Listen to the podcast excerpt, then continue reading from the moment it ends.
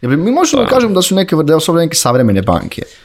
Možemo reći tako, pošto to kad se krene od tog lendinga, to je upravo ono što mi radimo ako štedimo u banci.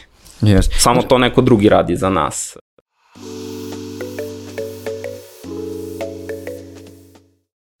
Ćao svima i dobrodošli u novu epizodu Netokracija Office Talk podcasta, moji i Marko. I danas ulazimo u svet Web3, a tačnije decentralizovanih financija. O generalno Web3 se dosta priča proteklih nekih šest mjeseci do godinu dana. E, mnogi pojmovi i nama još nisu jasni, a verujem i vama slušanim gledalcima. I danas nam je tu e, Đorđe Mimović koji je iz Tempusa Finance-a, ti si CTO i co-founder. I generalno pričamo o decentralizovanim financijama, tačnije uvodu decentralizovane financije, šta su, kako su, koja razlika među nekih monetarnih sistema sadašnjih i budućih, e, i budućih, o tome šta Tempus generalno radi i kako je generalno Web3 tržište kod nas. Đorđe, dobro nam došao. Bolje vas našao. Hvala na lepom uvodu. Da, ovaj, hajde da krenemo Otkud ti u Web3 i kako jedan, kako jedan kažem, programer ili što god si već radio, kre, pređe u Web3? Šta se tačno desi u tvojoj glavi? E, ulazim u neku novu oblast, potpuno nepoznatu. Kako je uopšte tekao tvoj karijerni put? Uh, to je vrlo interesantna priča. ja sam pre uh, Tempusa i pre decentralizovanih financija i Web3-a generalno se bavio nečim potpuno drugim. Uh, radio sam u nekoliko različitih computer vision startupa, neki od njih su bili moji, neki su failovali, neki dalje postoje.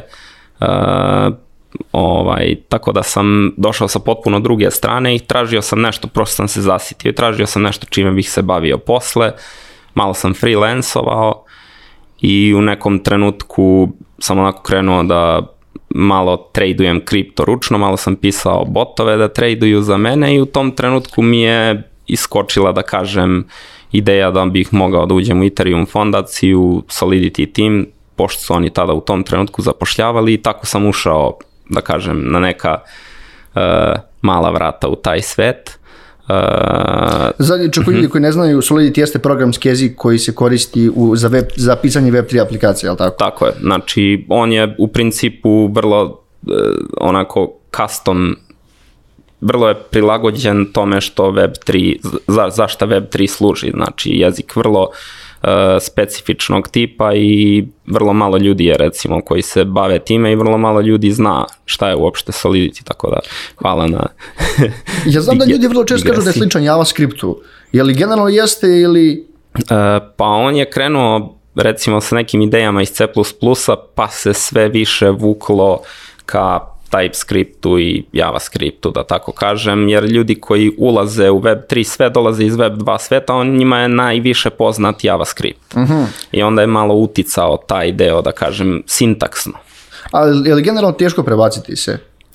E, što se tiče samog jezika, ne, ali što se tiče koncepata, da, zato što dosta ljudi malo gledaju onako security drugačije na Web 2 i Web 3, pogotovo u decentralizovanim financijama, zašto ja mogu da kažem, ono sad, sigurnost je prva stvar, a posle toga dolazi I pomenješ Ethereum fondaciju, on, on, kao Ethereum protokol osnovnih osnovnih stubova izgradnje aplikacija u Web3 svetu, kako si izgledalo kako izgleda rad i iskustvo koji si stekao u Web3 fondaciji, u Ethereum fondaciji, što znam da su dosta ljudi koji je također radilo u Ethereum fondaciji na, na izašlo i počeo da radi nekim svojim protokolima, nekim svojim rešenjima. Uh, jeste, što se mene tiče, konkretno moje iskustvo je dosta dobro. Sad, kako su drugi ljudi imali iskustva, to je na njima, ali ja sam radio u timu u kome, su, u kome je bilo 10 seniora u suštini.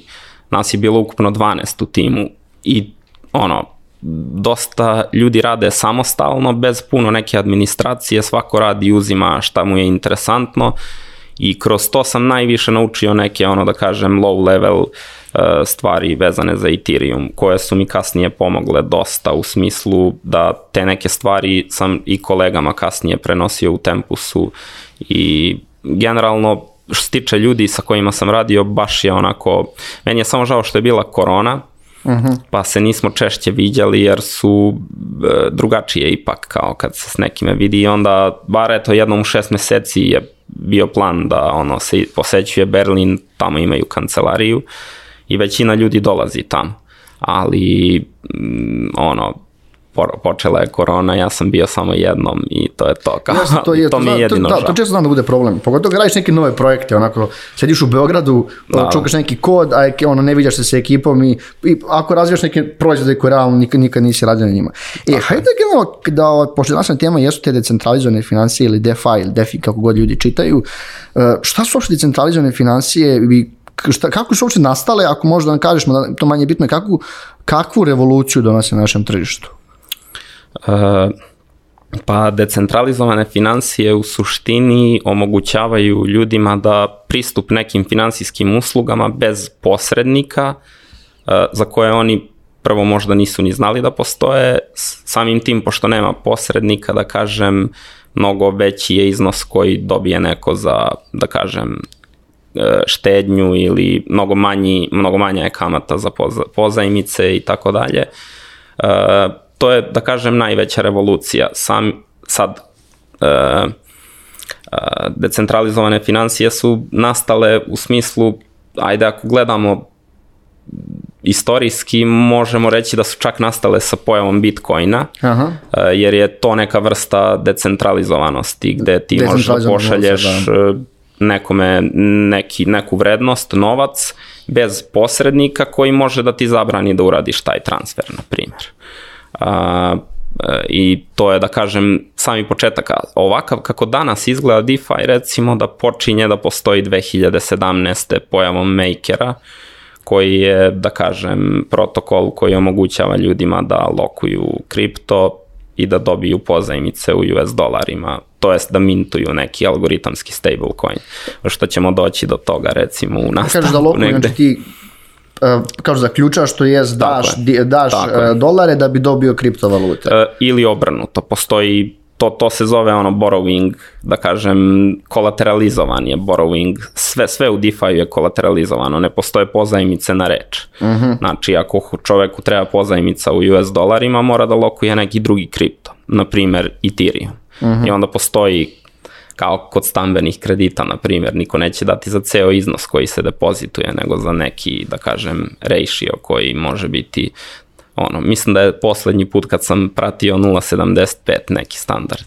Aha, To je počinjalo sa 0.5 jer je mnogo veća bila Tražnja za- e, pa nije samo tražnja, nego e, mnogo su veći bili skokovi u cenama kripta nego danas.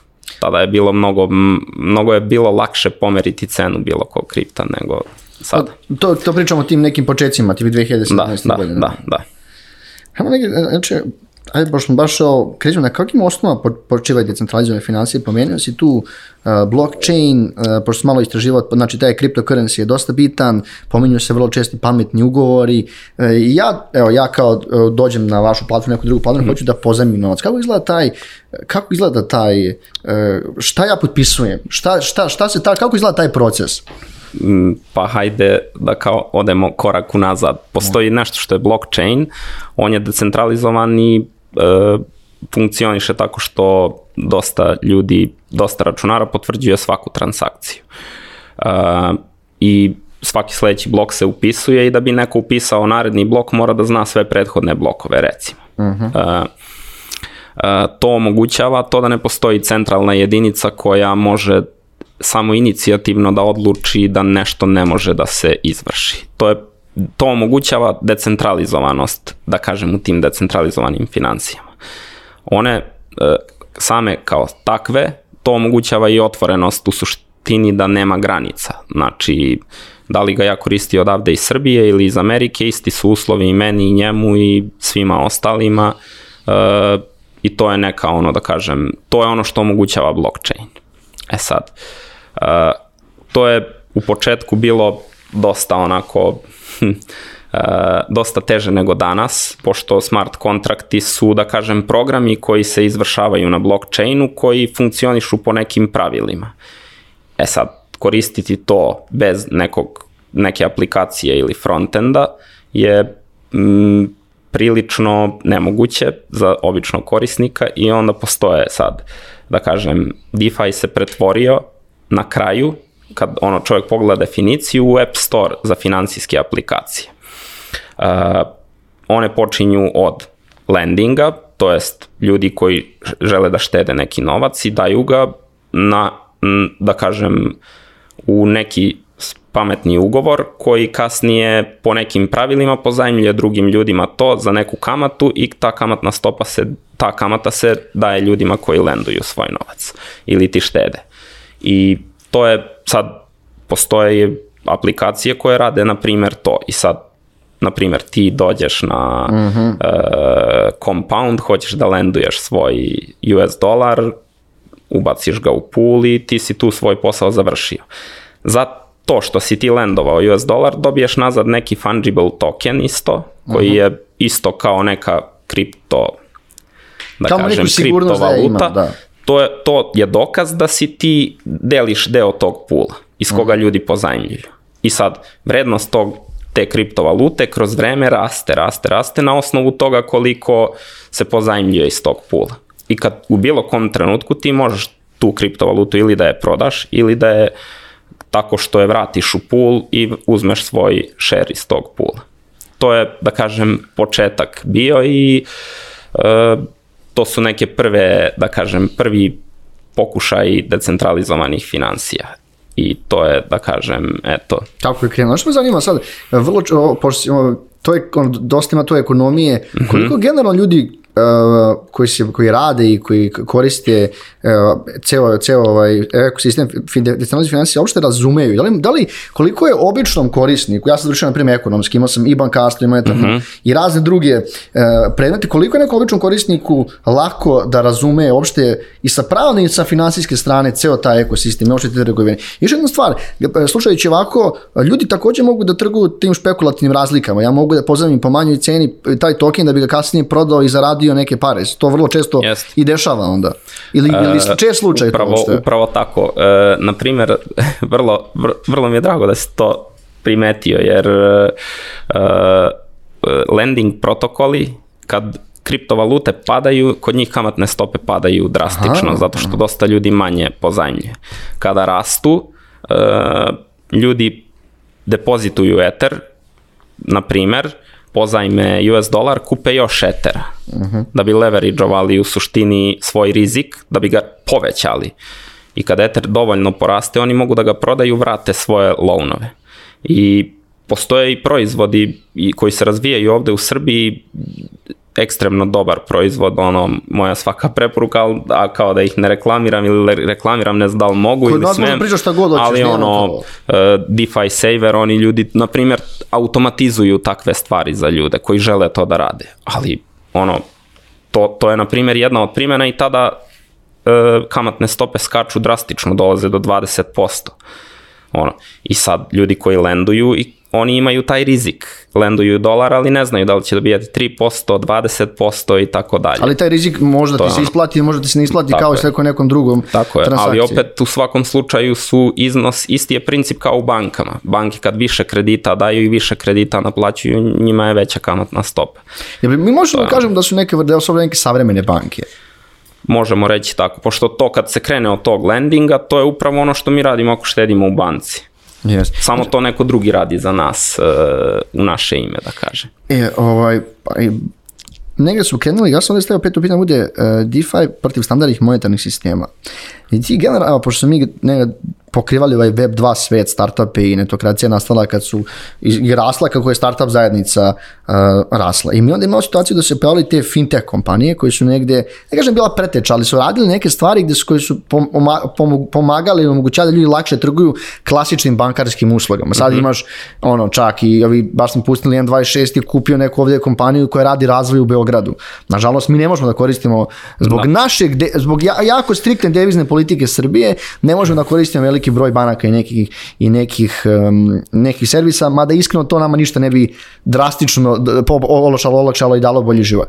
E sad dolazimo, dolazimo u situaciju, verujem da su se banke tad bunile i gledale šta se dešava na tom fintech tržištu i žele da izađu znaš, da budu u korak sa tim, nek su čak i kupovali i radili svoje proizvode i pokušavali da budu još što više savremenije. Šta se dešava sad? Evo, na primjer, kako uopšte banke gledaju na pojava kripto, uh, decentralizovanih financija i koliko uopšte to regulisano? E, znaš, šta je tačno, uh, evo, zamisli neki ljudi koji su malo stariji, tradicionalni, koji neće čak ni da odu ni cash online da uzmu, kako bi ti, bi ti rekao da je ovo sve legalno, A u svakom trenutku? E, što se toga tiče, to je dobro pitanje i dosta varira od države do države. Kako funkcionišu decentralizovane financije, da svako ko ih koristi, on mora da vidi kakve su poreske ili legalne, da kažem, šta, šta on sme da, da uradi u datoj državi. U Americi dosta stvari su ilegalne, da, da kažem, e, zato što u Americi, na primjer, akcijama i sličnim tako nekim finansijskim uslugama mogu da trguju samo brokeri. Uh -huh. A dosta frontenda se suočava sa time da mora da ih blokira u Americi.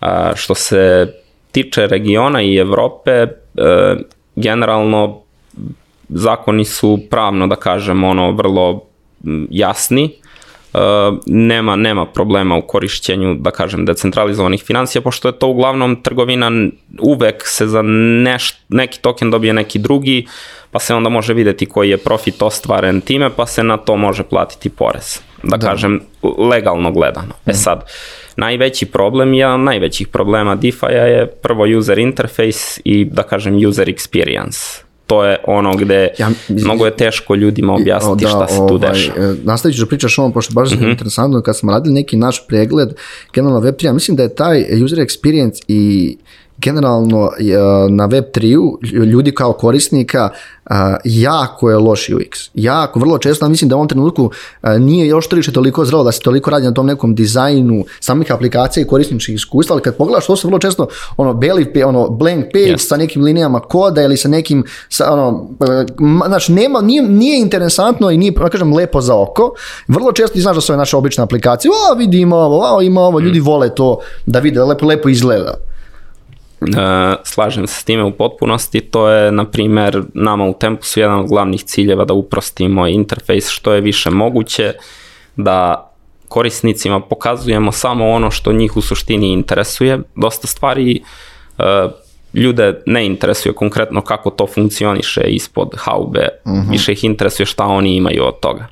I uložili smo dosta, da kažem, u hiringu, u ovoj rundi u zapošljavanje ljudi koji su radili dobar UX ili UI, da kažem. I to je jedna od najbitnijih stvari u narednih, ne znam, 5 do 10 godina u DeFi je da, da, da omogući to, da ljudi uzmu telefon kao malo, mm -hmm. prelistaju, šaltaju, kliknu, uh, uh, tako da, eto, to je u neku ruku jedna od uh, stvari. DeFi je još uvek daleko, daleko od bankarskih i to, to je ono što, e, vraćam se na prethodno pitanje sada, to je velika razlika i verovatno banke još uvek ne smatraju DeFi nekim, nekom konkurencijom jer iznosi o kojima pričam uopšte nisu uporedivi.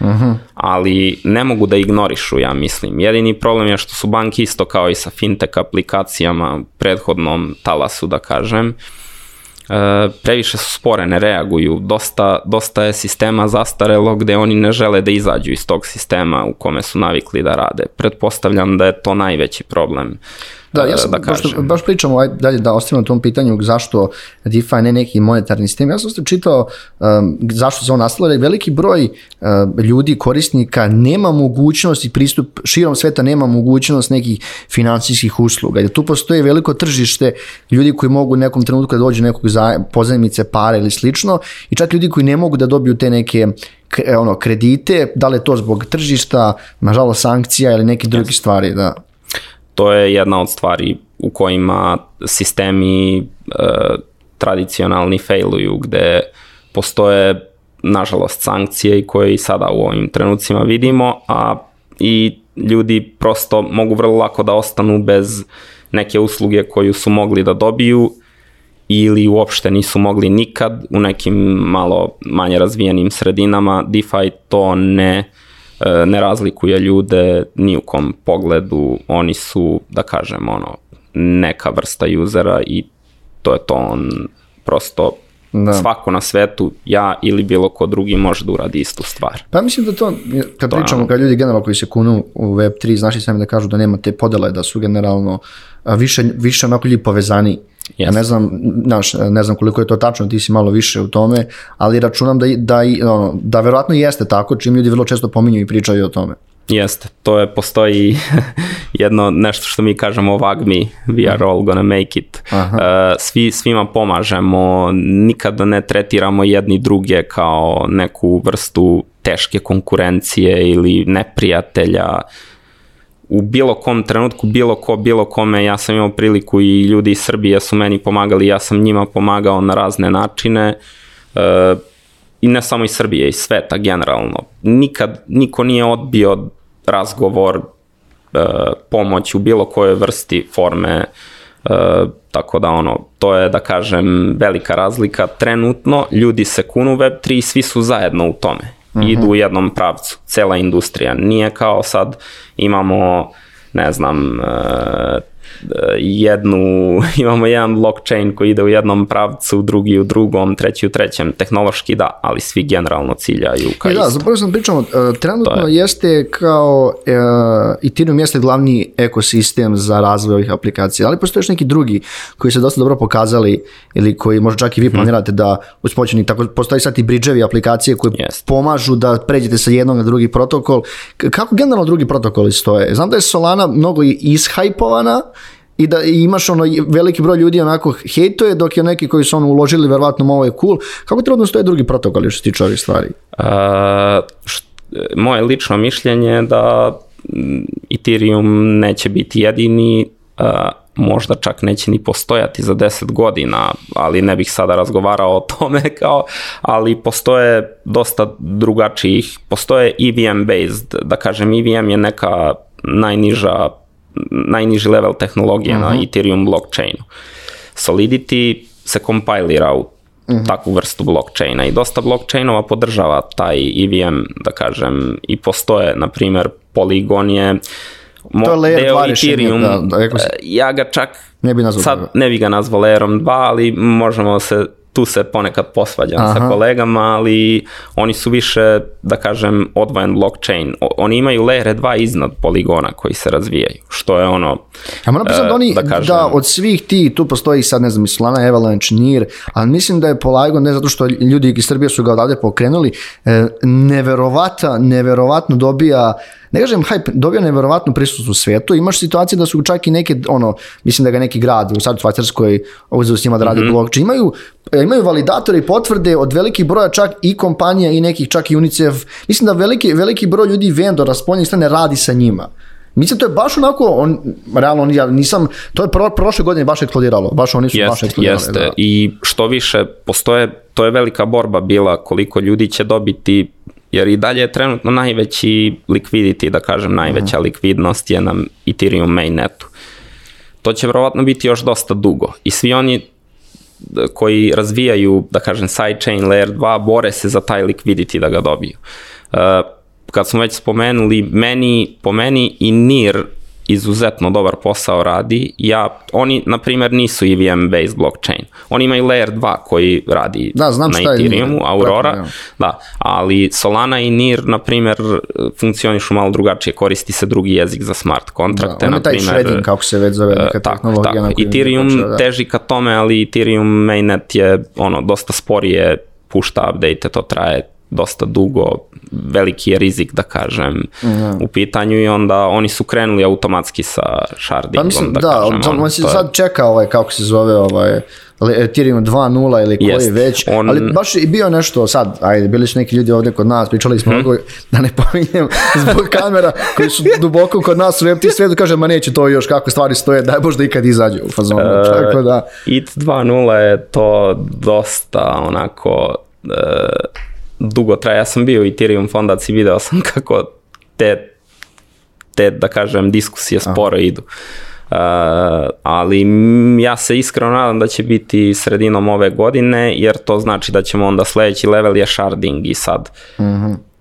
to, kao svi govore, onda će to biti sledeće godine, ali realnost nije takva, bit će možda one tamo. Uh, to je najveći problem Ethereuma scalability i to svi drugi pokušavaju da reše. I da pričamo i taj visok gas, svi, pa. to ćemo posle baš da pričamo mm -hmm. o tom. E, ajde ovaj da, uh, meni, meni, čisto znaš, meni baš zanimljivo, jer generalno ove stvari me koje dosta na koje zanimaju i ono, netokracija generalno će više da piše o tome i da se bavi tim. Um, zajednica je dosta podeljena.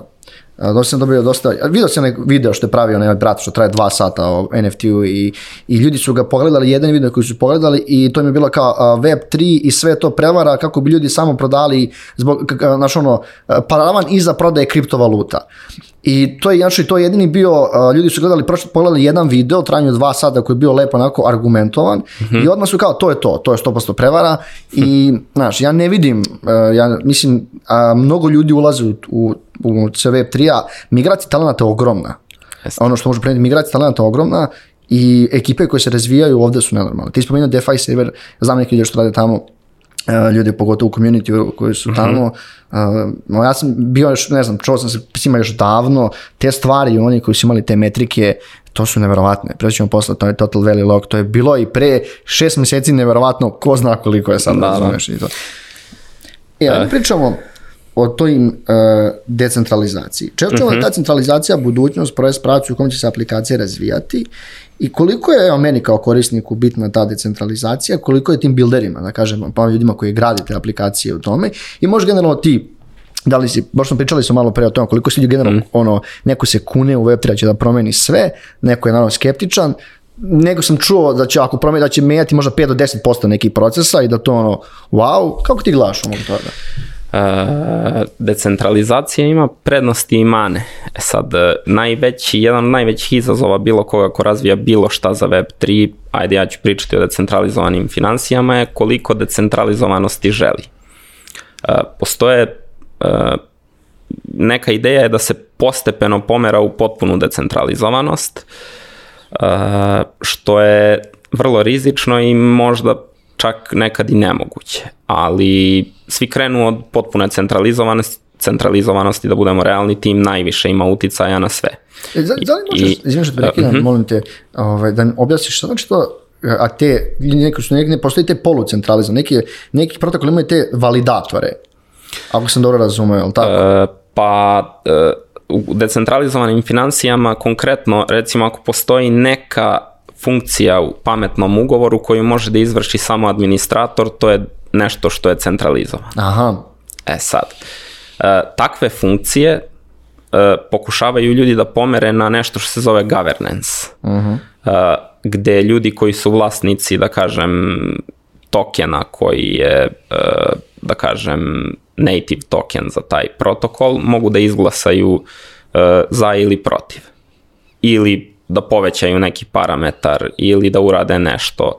To su neke, neki blaži oblici decentralizacije kojima, na primer, i mi u tempusu težimo. Znači, u nama će postojati kakav nam je biznis model, trenutno ne zarađujemo ništa, ali u nekom trenutku želimo da e, naplaćujemo neki mali fee za neke transakcije koje ljudi rade i taj fee inicijalno je podešen na nulu, a kasnije će biti podešen na nešto Jasno. 1% recimo i tih 1% će deliti, da kažem, ljudi koji drže token i ta vrsta decentralizacije mi je super, da kažem podela vrednosti je mhm. potpuno, da kažeš ono, ne postoji neki, neka jedinica koja uzima ceo prihod, nego je onako daje vrednost celom tom uh -huh. uh, tokenu koji je, da kažem, native. I ta vrsta decentralizovanosti je meni, na primjer, super, a vrsta decentralizovanosti gde ljudi mogu da odluče bilo šta je potpuno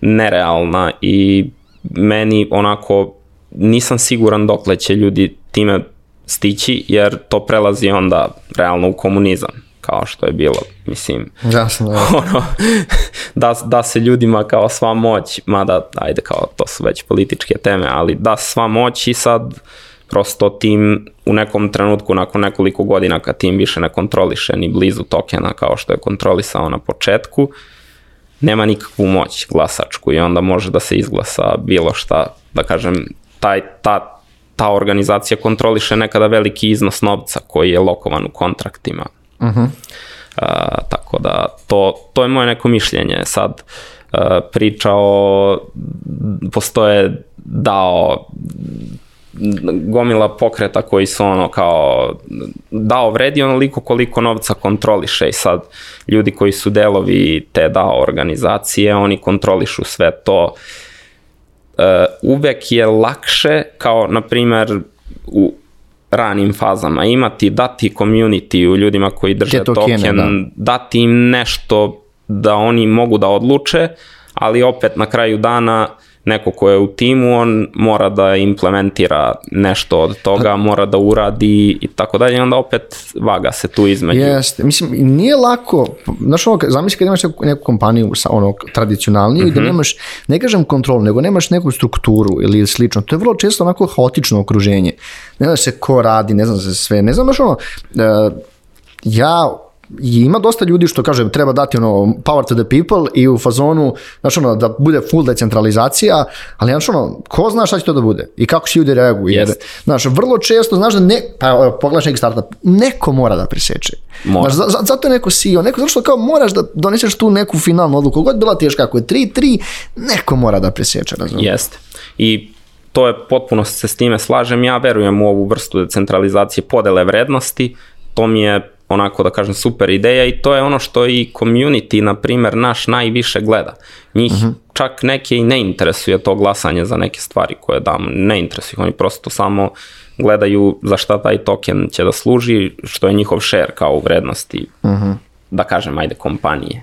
Ali e, protokola oni gledaju samo interes njihov u tome svemu. E, tako da mnogo, mnogo će lakše neko glasati ukoliko ima neko predznanje vezano direktno za nešto što je realno kao pitanje koje se postavlja.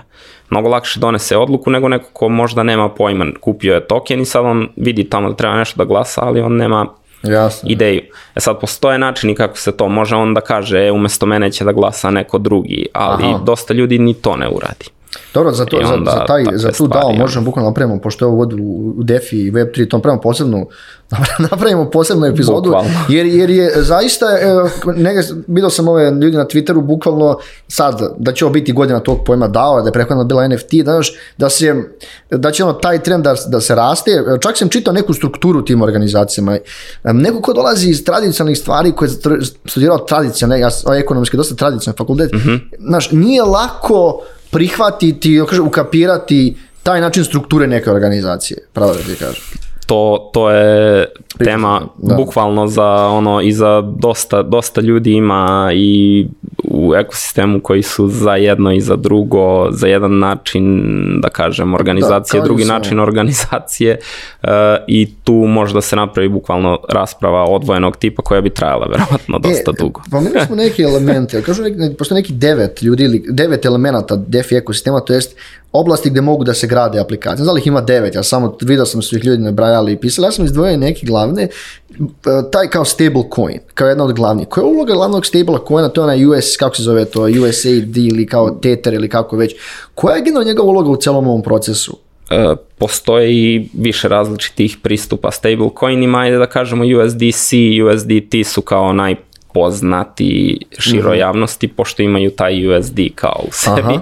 Oni su vrsta stablecoina koji, koji je prilično centralizovan, jer je e, bekovan pravim novcem u banci. Onoliko koliko ima novca u banci, toliko ima tokena na blockchainu. I to je da kažem tako održavaju jedan prema jedan uh, stable i uloga stable coina je uh, pa jedna od uloga je da ljudi uz pomoć tog stable coina mogu da kupe neku drugu kriptovalutu, mogu da pristupaju decentralizovanim financijama, znači postoje ljudi koji nemaju ni jednu kriptovalutu sem stable coina koje lenduju isključivo i to im je vrsta zarade, da A kažem to su, ono. ali, e, pošto to je uvijek negdje procena koji se vidi jedan prema jedan. To su da zarade da moraš na mnogo velike sume.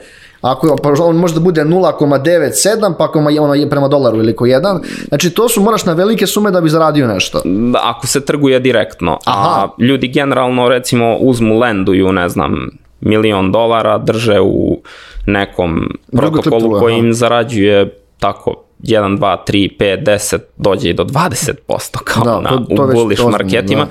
i oni drže tako, postoje ljudi i sa manjim i sa većim iznosima koji to rade. I Mhm. sad, konkretno, ja sam pristalica onoga ako već ljudi su u kriptu da treba da raspoređuju rizik deo u nekim kriptovalutama u koje veruju, za koje su uradili istraživanje, videli š- za šta služi i takve stvari, da deo drže u kriptu, deo u stable coinima i stablecoini su, da kažem, način da ljudi uh, smanje svoj rizik i da kažem exposure tom Ali ima nekom... dosta ljudi što, zala, što zalaže tu filozofiju, da sam negdje stavio Mhm. ovde, uh, da poznali si jedan zagovornika deo kripto, kripto portfolio treba bude u stablecoinu, baš zbog toga. Dosta ljudi koji priča kao, e, jedan deo uvek treba da imaš u... A ne pričamo samo o, o Bitcoinu kao baš o, ne pričam generalno o portfolio, nego koliko misliš da ove sad, ove, ovo što se dešava, ova kriza u Ukrajini, generalno neke stvari, pogotovo inflacija, što je, ono, sve cijene su skočile, koliko to misliš da će generalno da, i, da ide ka širem prihvatanju kripta, Bitcoina, pogotovo kao, kao nekog univerzalnog zlata, što vidim da sve više i više dobija to ime. Da, ja konkretno ne bih se bavio ovime da ne mislim da će samo da raste potreba i da raste interesovanje ljudi prema kriptovalutama generalno. M, kako utiču krize, uvek utiču dosta na, na kripto bez obzira kao što nema puno veze sa politikom, ali i politikom i generalno ekonomijom u svetu. I korona kad je krenula videli smo šta se desilo sa kriptom i bilo koji event u svetu, bilo koja vest vezana za, ne znam, Kinu da benuje kripto 16. put. Da, jeste to baš. Uh, uvek se desi neko pomeranje na marketu. Uh, ja dugoročno mislim, moje mišljenje je da će da raste potreba, pogotovo uh, sa pojavom sve više i više aplikacija u kojima će ljudi moći, da kažem, čak i da ih koriste za neke vrste usluga, nekada možda i za plaćanja, ide se ka tome, ali uh, Jasno. to, to traje, nije to baš kao proces koji E, mi smo sad na početku, iako smo već nekoliko godina, Da. deceniju već Dobro, tu, sad, ali verujem, mi, verujem da su to naši najčitaniji tekstovi koji ono, imaju recurring čitanje na mesečnom nivou, kako trgovati kriptom ili Mhm. ne, o, baš o Bitcoinu gdje su neki pr, pr, prvi tekstovi o tome koji dan danas imaju nenormalnu čitanost, ljudi ono, pretražuju, edukuju se. Ono što je meni zanimljivo, gledao sam kao ono, holderi Bitcoina, to mnogo jako siromašnih, ali mladih zemalja. Tipa Nigerija, Jest. Salvador je čak, oni su, znaš, na Twitteru njihov, onaj, njihov predsjednik koji ono, kupuju nenormalno. I, znaš, da, da li valja što te male zemlje pokušaju na neki način da znaš, ne kažem zarade, nego smanje taj uticaj od, od dolara Amerike i nekih drugih spoljnih faktora, pa pokušavaju da kroz e, kripto us, ne, nešto uspeju u životu, znaš. jeste, to je, ali to je upravo ona priča što ljudima omogućava da bilo sa bilo koje tačke na svetu mogu da kupe kripto. E, ili da ga drže ili da ga traduju bez ikakve ono da kažem zabrane ili bilo čega drugog. To je na primjer ja to vidim i u Srbiji sve više i više ljudi se bavi i razvija dosta dobre proizvode u Web3. Tu, tu ljudi vide da kažem neku šansu da neke malo manje razvijene sredine iskoče nekom ono nekim nečim ono van serijskim ako urade naprave e, mnogo je veća šansa sada trenutno uspeti u da kažem web 3 šta znači uspeti? Ali ajde kao pokrenuti startup u toj oblasti na svetskom nivou nego u bilo kojoj drugoj oblasti u Srbiji. Ja Da. to mogu da kažem iz ličnog iskustva. Ja sam pokušavao da prikupim investicije i za computer vision startupe koji uopšte nisu bili e, nisu imali loše ideje ali prosto to je bilo nemoguća misija tada Da, a da, to, da, to si, da, to si ovaj dosta dobro primetio, a mi smo pustili da je Tenderly objavio ovih, dobro, mi smo to već znali neko vrijeme, ali nije bilo javno, e, imao si sad De- DeFi server, pa i vi, pa Celsius je tu, pa uh, MVP radi ono boga, IHH proizvoda, ne znam, Bjelac, tačno koliko njih je, i okrenuo sa nekim drugim stvari, e, ljudima.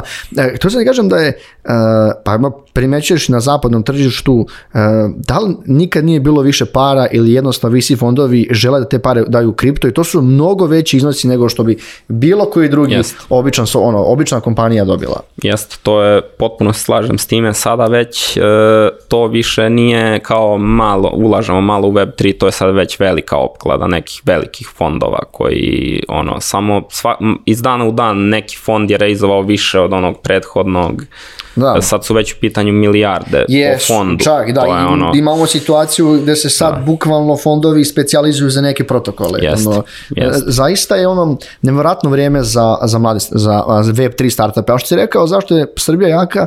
Ako imaš kvalitetne ljude, a uđeš vrlo brzo mlad u oblast dok raste i ima šanse da uradiš nešto. Jest. E, Zamisli za 10 godina koliko će pavi sličnim proizvoda. Dajem ti primjer Da, neko da. koji je odavde Jest. nastao ili slično. Jeste. Tako da, što pre uđeš, tvoja je šansa da, da opstaneš na tržištu. E, negdje su pokrili stable koji sam ovdje stavio kao taj lending i borrowing, to smo negdje pričali generalno kako, kako funkcioniše, ne moramo se zadržavamo i postoje te, to taj DEX, to je decentralizovane menjačnice.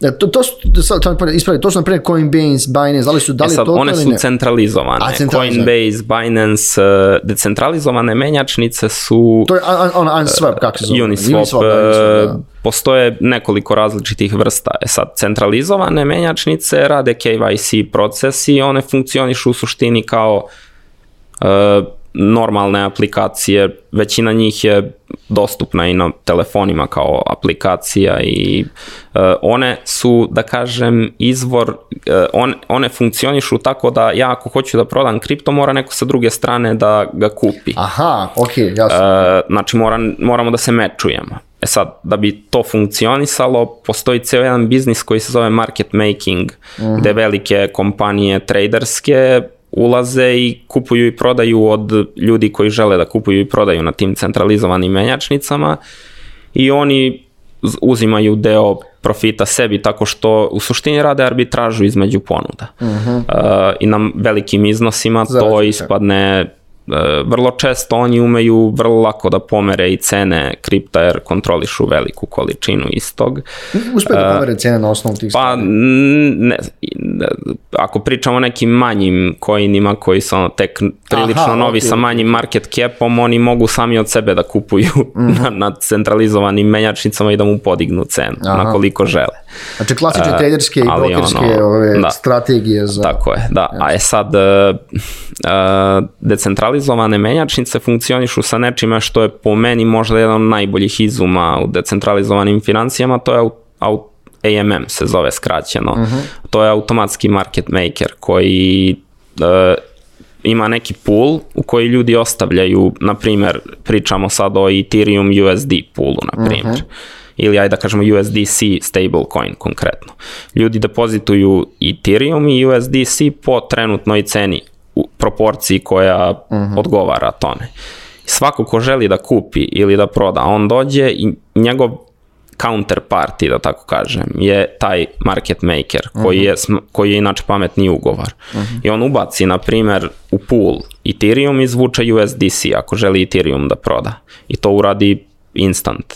Nema, ne mora da čeka da li će neko da prihvati tu ponudu po kojoj je on stavio da prodaje.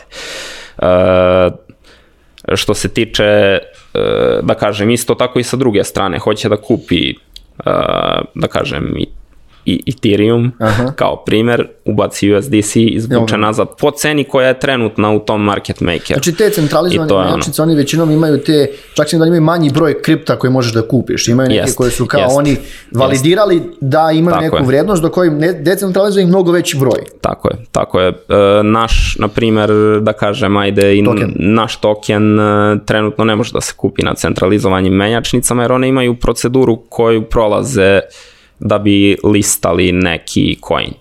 Postoje, e, sad, one su izlistane po kvalitetu ti si spomenuo neke najbolje i Aha. naj, da kažem, Najpoznatije, da kažem, najpoznatije, da, da, da. najveće i na, prosto najteže je biti izlistan tamo, što više nije tačno za Coinbase. Aha. Sad listaju sve živo i sad je čak i bolje da ne ide se na Coinbase. Dobro, dobro. dobro. E, Mislim, ja imam ali profil kod ono, njih, kupio sam tipa samo neke ostale stvari kako funkcioniše, Naravno. ali nisam ništa, ni, ono, nisam e, ništa, ništa, ništa ozbiljnije. Tako da oni izlistaju limitiran broj.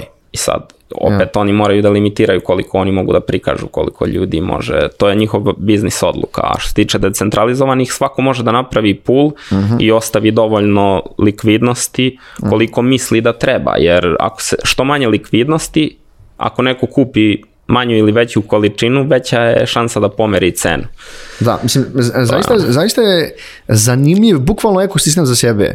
Zna- I vidim da, da ogroman broj sad novih aplikacija se razvijaju tih e, ono, integratora, da možeš sa jednog drugog protokola, zaista je za, zaista, zaista je interesantno, moram priznati. Uh, Pa ceo DeFi je, to ja kažem, kao jedna, jedan veliki Lego. E, to si lepo rekao, pa slažeš dok. Ajde ovaj, e, ajde, šta čini jedan uspešan protokol, jednu kompaniju i e, broj korisnika ili neka druga, neki drugi podatak i mi smo već pričali, pominjali smo taj total value locked koji je bitan, koliko je jedan zaključan u DeFi protokol. Šta je generalno, to broj, šta je broj uspeha? Znaš, u, u ono, Web 2 bitan je bio broj ono monthly, monthly, ovaj, Jest. e, monthly uh, broj mesečnih ili čak i dnevnih korisnika, sve zavisi od aplikacije do aplikacije, da li gaming, da li neki drugi software i slično.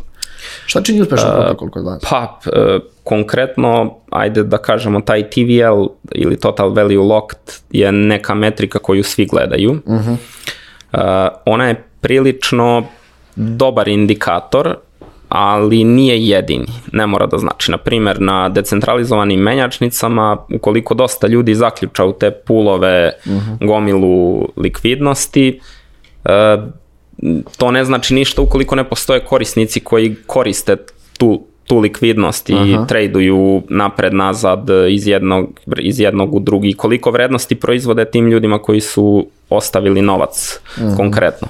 Tako da su metrike prilično drugačije u odnosu na različite proizvode. Za ove borrowing i lending je najbitnija kamatna stopa. To ljudi jedino gledaju, najviše to gledaju. Uh, naravno, TVL im je uvek onako u glavi, ako je mali TVL, ljudi manje veruju, uh, da kažem, protokolu. Što Ali to je veći skroz ok. TVL, Mislim, ono, zamisli, to- ja, ja, postoje dve, najgluplji primjer. Postoje dve, ne znam, br- Mhm. dva, dva restorana brze hrane. Ja uvek gledam gde je veća gužva. Jest. Znam da su bolji. Imam osjećaj kao stoji 400 ljudi, ne verujem da su loše, brate. Potpuno Da. se slažem i to je, da kažem, jedna od metrika koje useri gledaju, ali što se tiče uspešnosti, ja bih dodao neki miks u zavisnosti od toga šta protokol radi, neki miks broja korisnika ili ajde da kažemo, e, to se kaže volume, trading volume. Da, to jeste bit, bitna kažem, stvar u ono kriptovalutama. Jest. bitan, da. Ljudi imaju i mesečni, dnevni trening volume i sve, i sve, to je dosta bitno, znači. Tako je, da. I sad to je ono, e, u zavisnosti od vrste proizvoda i koliko on korisnika stvarno može da dovuče, onda su različite metrike, da li je to e, milion korisnika za neke vrste, na primjer NBA Top Shot ima gomilu korisnika, a, ali za nas tako nešto, na primjer u Tempusu je maltene nemoguće, prosto ne postoji broj ljudi koji će koristiti to na Jasno. način na koji mi želimo. E, sad ćemo još malo da pričamo baš o, o Tempusu, ali pre toga uh, stavio sam neke probleme koje ljudi sreću u DeFi ekosistemu, da li je to poverenje, bezbednost, pomija- sam si pomenuo koliko je bezbednost bitna, uh, ja sam našao čak da se preznalo da se dešava dosta bagova, može se desiti bug u pametnom ugovoru i ono što je glavno, to jeste gas fee na Ethereumu. ovaj, generalno, šta bi ti izdvojio kao po tebi trenutno glavni problem i ono, sam si rekao bezbednošću. Koliko se pristupa bezbednošću ovih, ovih stvari? To dosta varira od e, protokola do protokola. Ono što sve više i više vidimo, pojavljuje se dosta ljudi koji se bave osiguranje. Znači, pored svih svega što čovjek može da uradi da osigura svoje smart kontrakte, da piše kvalitetan kod, da uradi reviziju koda sa nekim sertifikovanim auditorima, e, što je dosta prilično dobra industrija i plaćena je dosta dobro. Aha, E, e, sama po sebi. E, pored svega toga i pored ono kvaliteta koda, on uvek može nešto iznad toga da, da uradi dodatno. Postoje, počele su prvo da se bave kompanije bug bounty-ima, da ljudi ono ostave dosta veliki bug bounty, da čovek koji haker, ako nađe bug, da ne hakuje protokol, nego ga prijavi kroz bug bounty i izvuče novac na, da kažem, legalan način Da, za vidio sebe. sam i čak i naše, naše neke kompanije, ogromni su ti, uh, ono, ozbiljne cifre su Ozbiljne dobijaju, cifre da. su u pitanju, da, to je ono, e, e sad, pored svega toga, na primer, ljudi mogu da preduzmu da osiguraju sve, sav novac koji je lokovan u njihovim kontraktima, da plaćaju u, u ovim ekonomskim e, se to kaže premium. Aha, okej. da plaćaju premium Pre, da svaki plaćaju mesec. premium osiguranja, to ti ono osiguranje je, da. U na mesečnom nivou da bi ono, ti bilo osigurano nešto. Ako okej. neko uhakuje, oni će da pokriju, da kažem, e, troškove, ali oni imaju svoju proceduru kako rade, oni isto proveravaju sigurnost, e, znači u suštini što više provera i što više tako nekih stvari neko uradi, to, to je novac sigurniji. E, I postoje čak i sad kreću polako da budu sve bolji i bolji toolovi koji se bave security-em, e, koji automatski testiraju sigurnost, e, da kažem, verifikuju formalno, da kažem, smart kontrakte. testiraju na random ulaze da vide da li će uvesti smart kontrakt u neko nevalidno stanje i takve stvari. Sve više i više vidimo u industriji. Mm -hmm. I to je ono, mi konkretno smo preduzeli sve mm -hmm. mere. Vidio sam, ovaj, video sam tipa zašto je bio pričalo o prednosti, jer to generalno jeste bio problem, znaš često ovim je nestalo veliko para, pa neko, e, mislim, da. generalno ljudi se, to je problem svake mlade industrije. Jeste. Znaš, kad to će vremena da dođe, bit će mnogo zaštićenije. I ostalo moj, nismo mi ovaj gas fee na Ethereum, koliko je to generalno problem? E, pa to... su baš pisalo i to se baš, baš se pisalo i pričalo o tome i zbog toga je, da kažemo, ovaj Polygon i jeste nekako eksplodirao. Jeste. Uh, gas fee je dosta veliki problem, pogotovo retail userima. Uh -huh. uh, postoje, uh, sad ako pričamo o gas fee on uzima dosta veliki deo potencijalne zarade nekome i što se više povećava iznos koji on ulaže, njemu je taj gas fee manji problem. Uh -huh. I ono što vidimo dosta institucija i dalje nije ok, jer mi pričamo i gledamo na koje druge blockchainove možemo da se širimo na osnovu toga nama će korisnici uglavnom biti u, pri početku institucije, jer uh -huh. je takva vrsta proizvoda.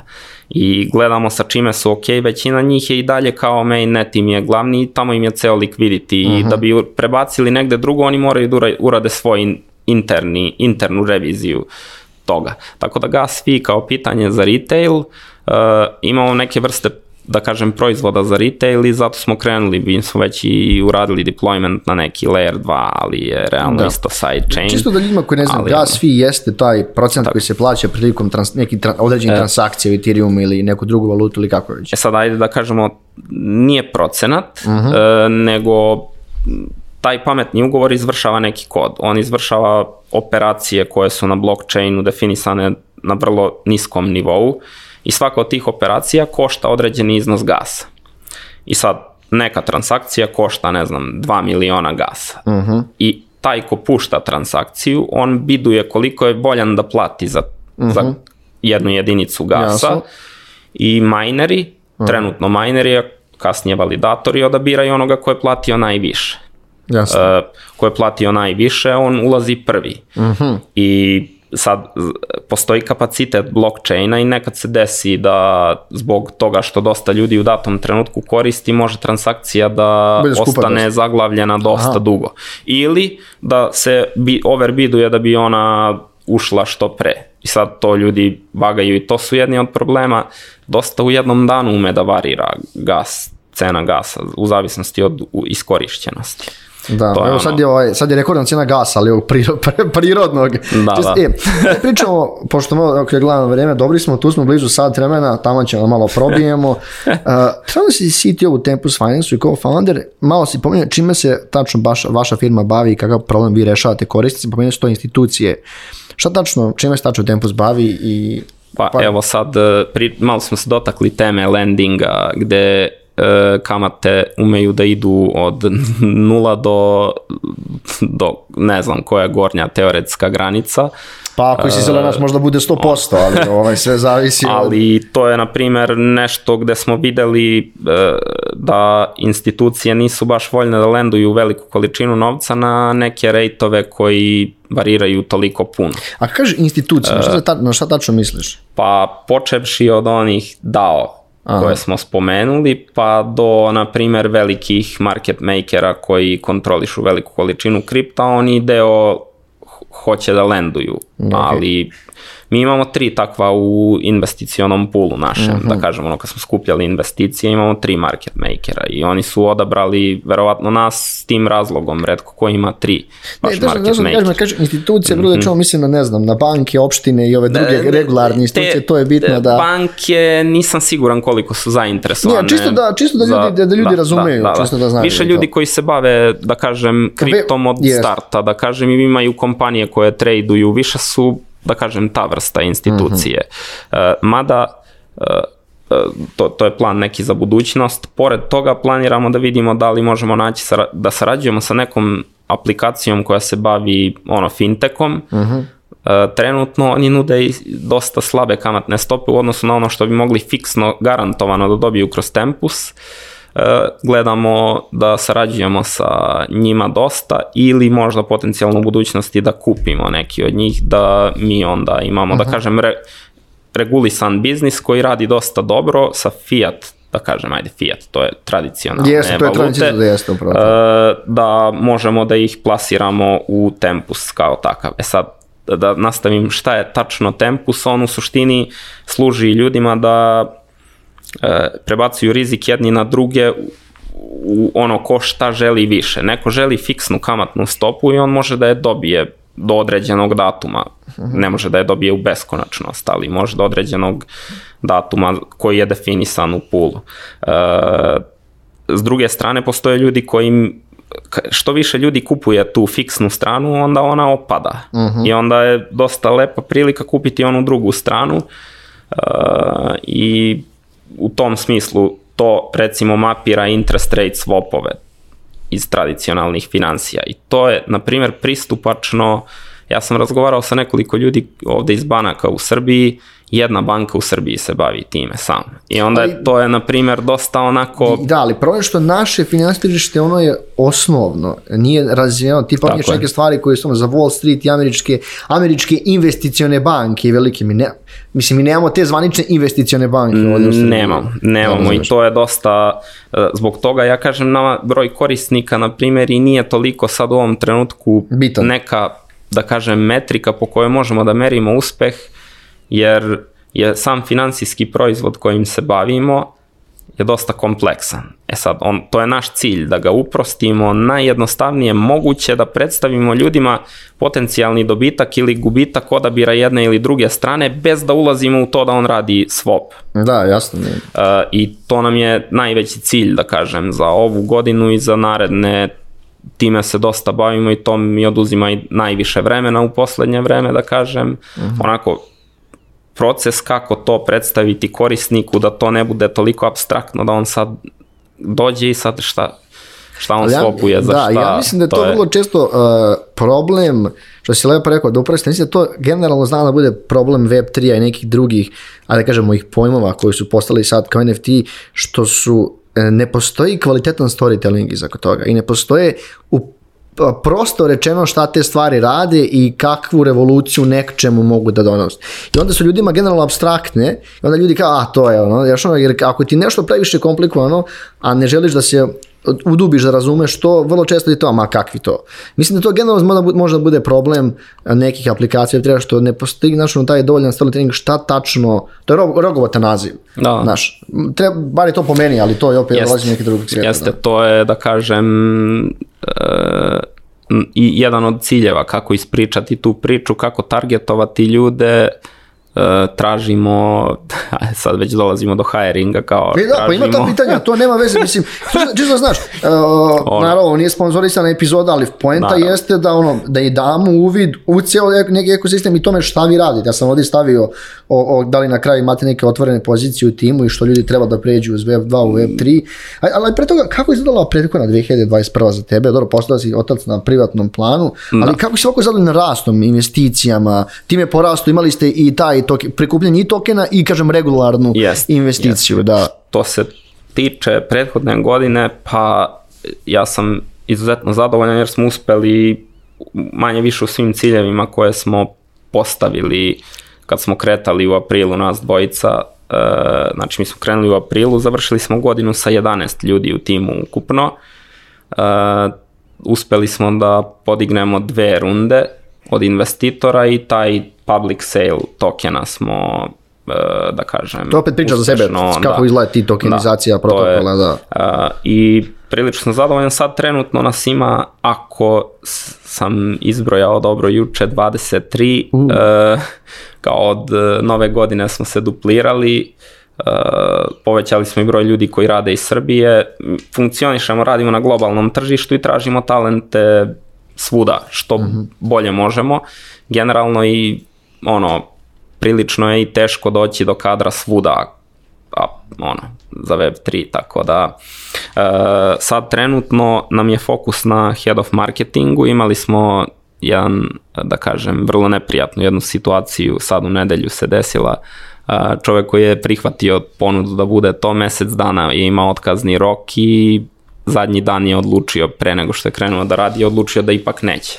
Da, te stvari se dešavaju, ali jako su, jako su neprofesionalne. Da, da. I bez obzira koliko god imao jak CV, tako nešto kad neko uradi, to je klasična profesionalnost i da. ok, nije nama to nešto sad ha, naćemo drugog, tako da tražimo head of marketinga, e, ono, aktivno to je, ba, ba, baš smo pričali o tome, da pošto smo znali još neke kompanije, to je, ja ne kažem da je nije lako naći ljudi koji se bave marketing, salesom i zajednicom, jer Ovde baš fokus vrlo često i na zajednicu, u celom Web3 svetu, Tako i na community, da li je to Discord, Medium, web, ono, Twitter i šta Telegram grupe, verovatno ga koristite i svi. Znaš, to nije u klasičnim, klasičnim komercijalnom marketing sistemima, nema tih Tako. stvari, da. Potpuno. Skroz je drugačije, da.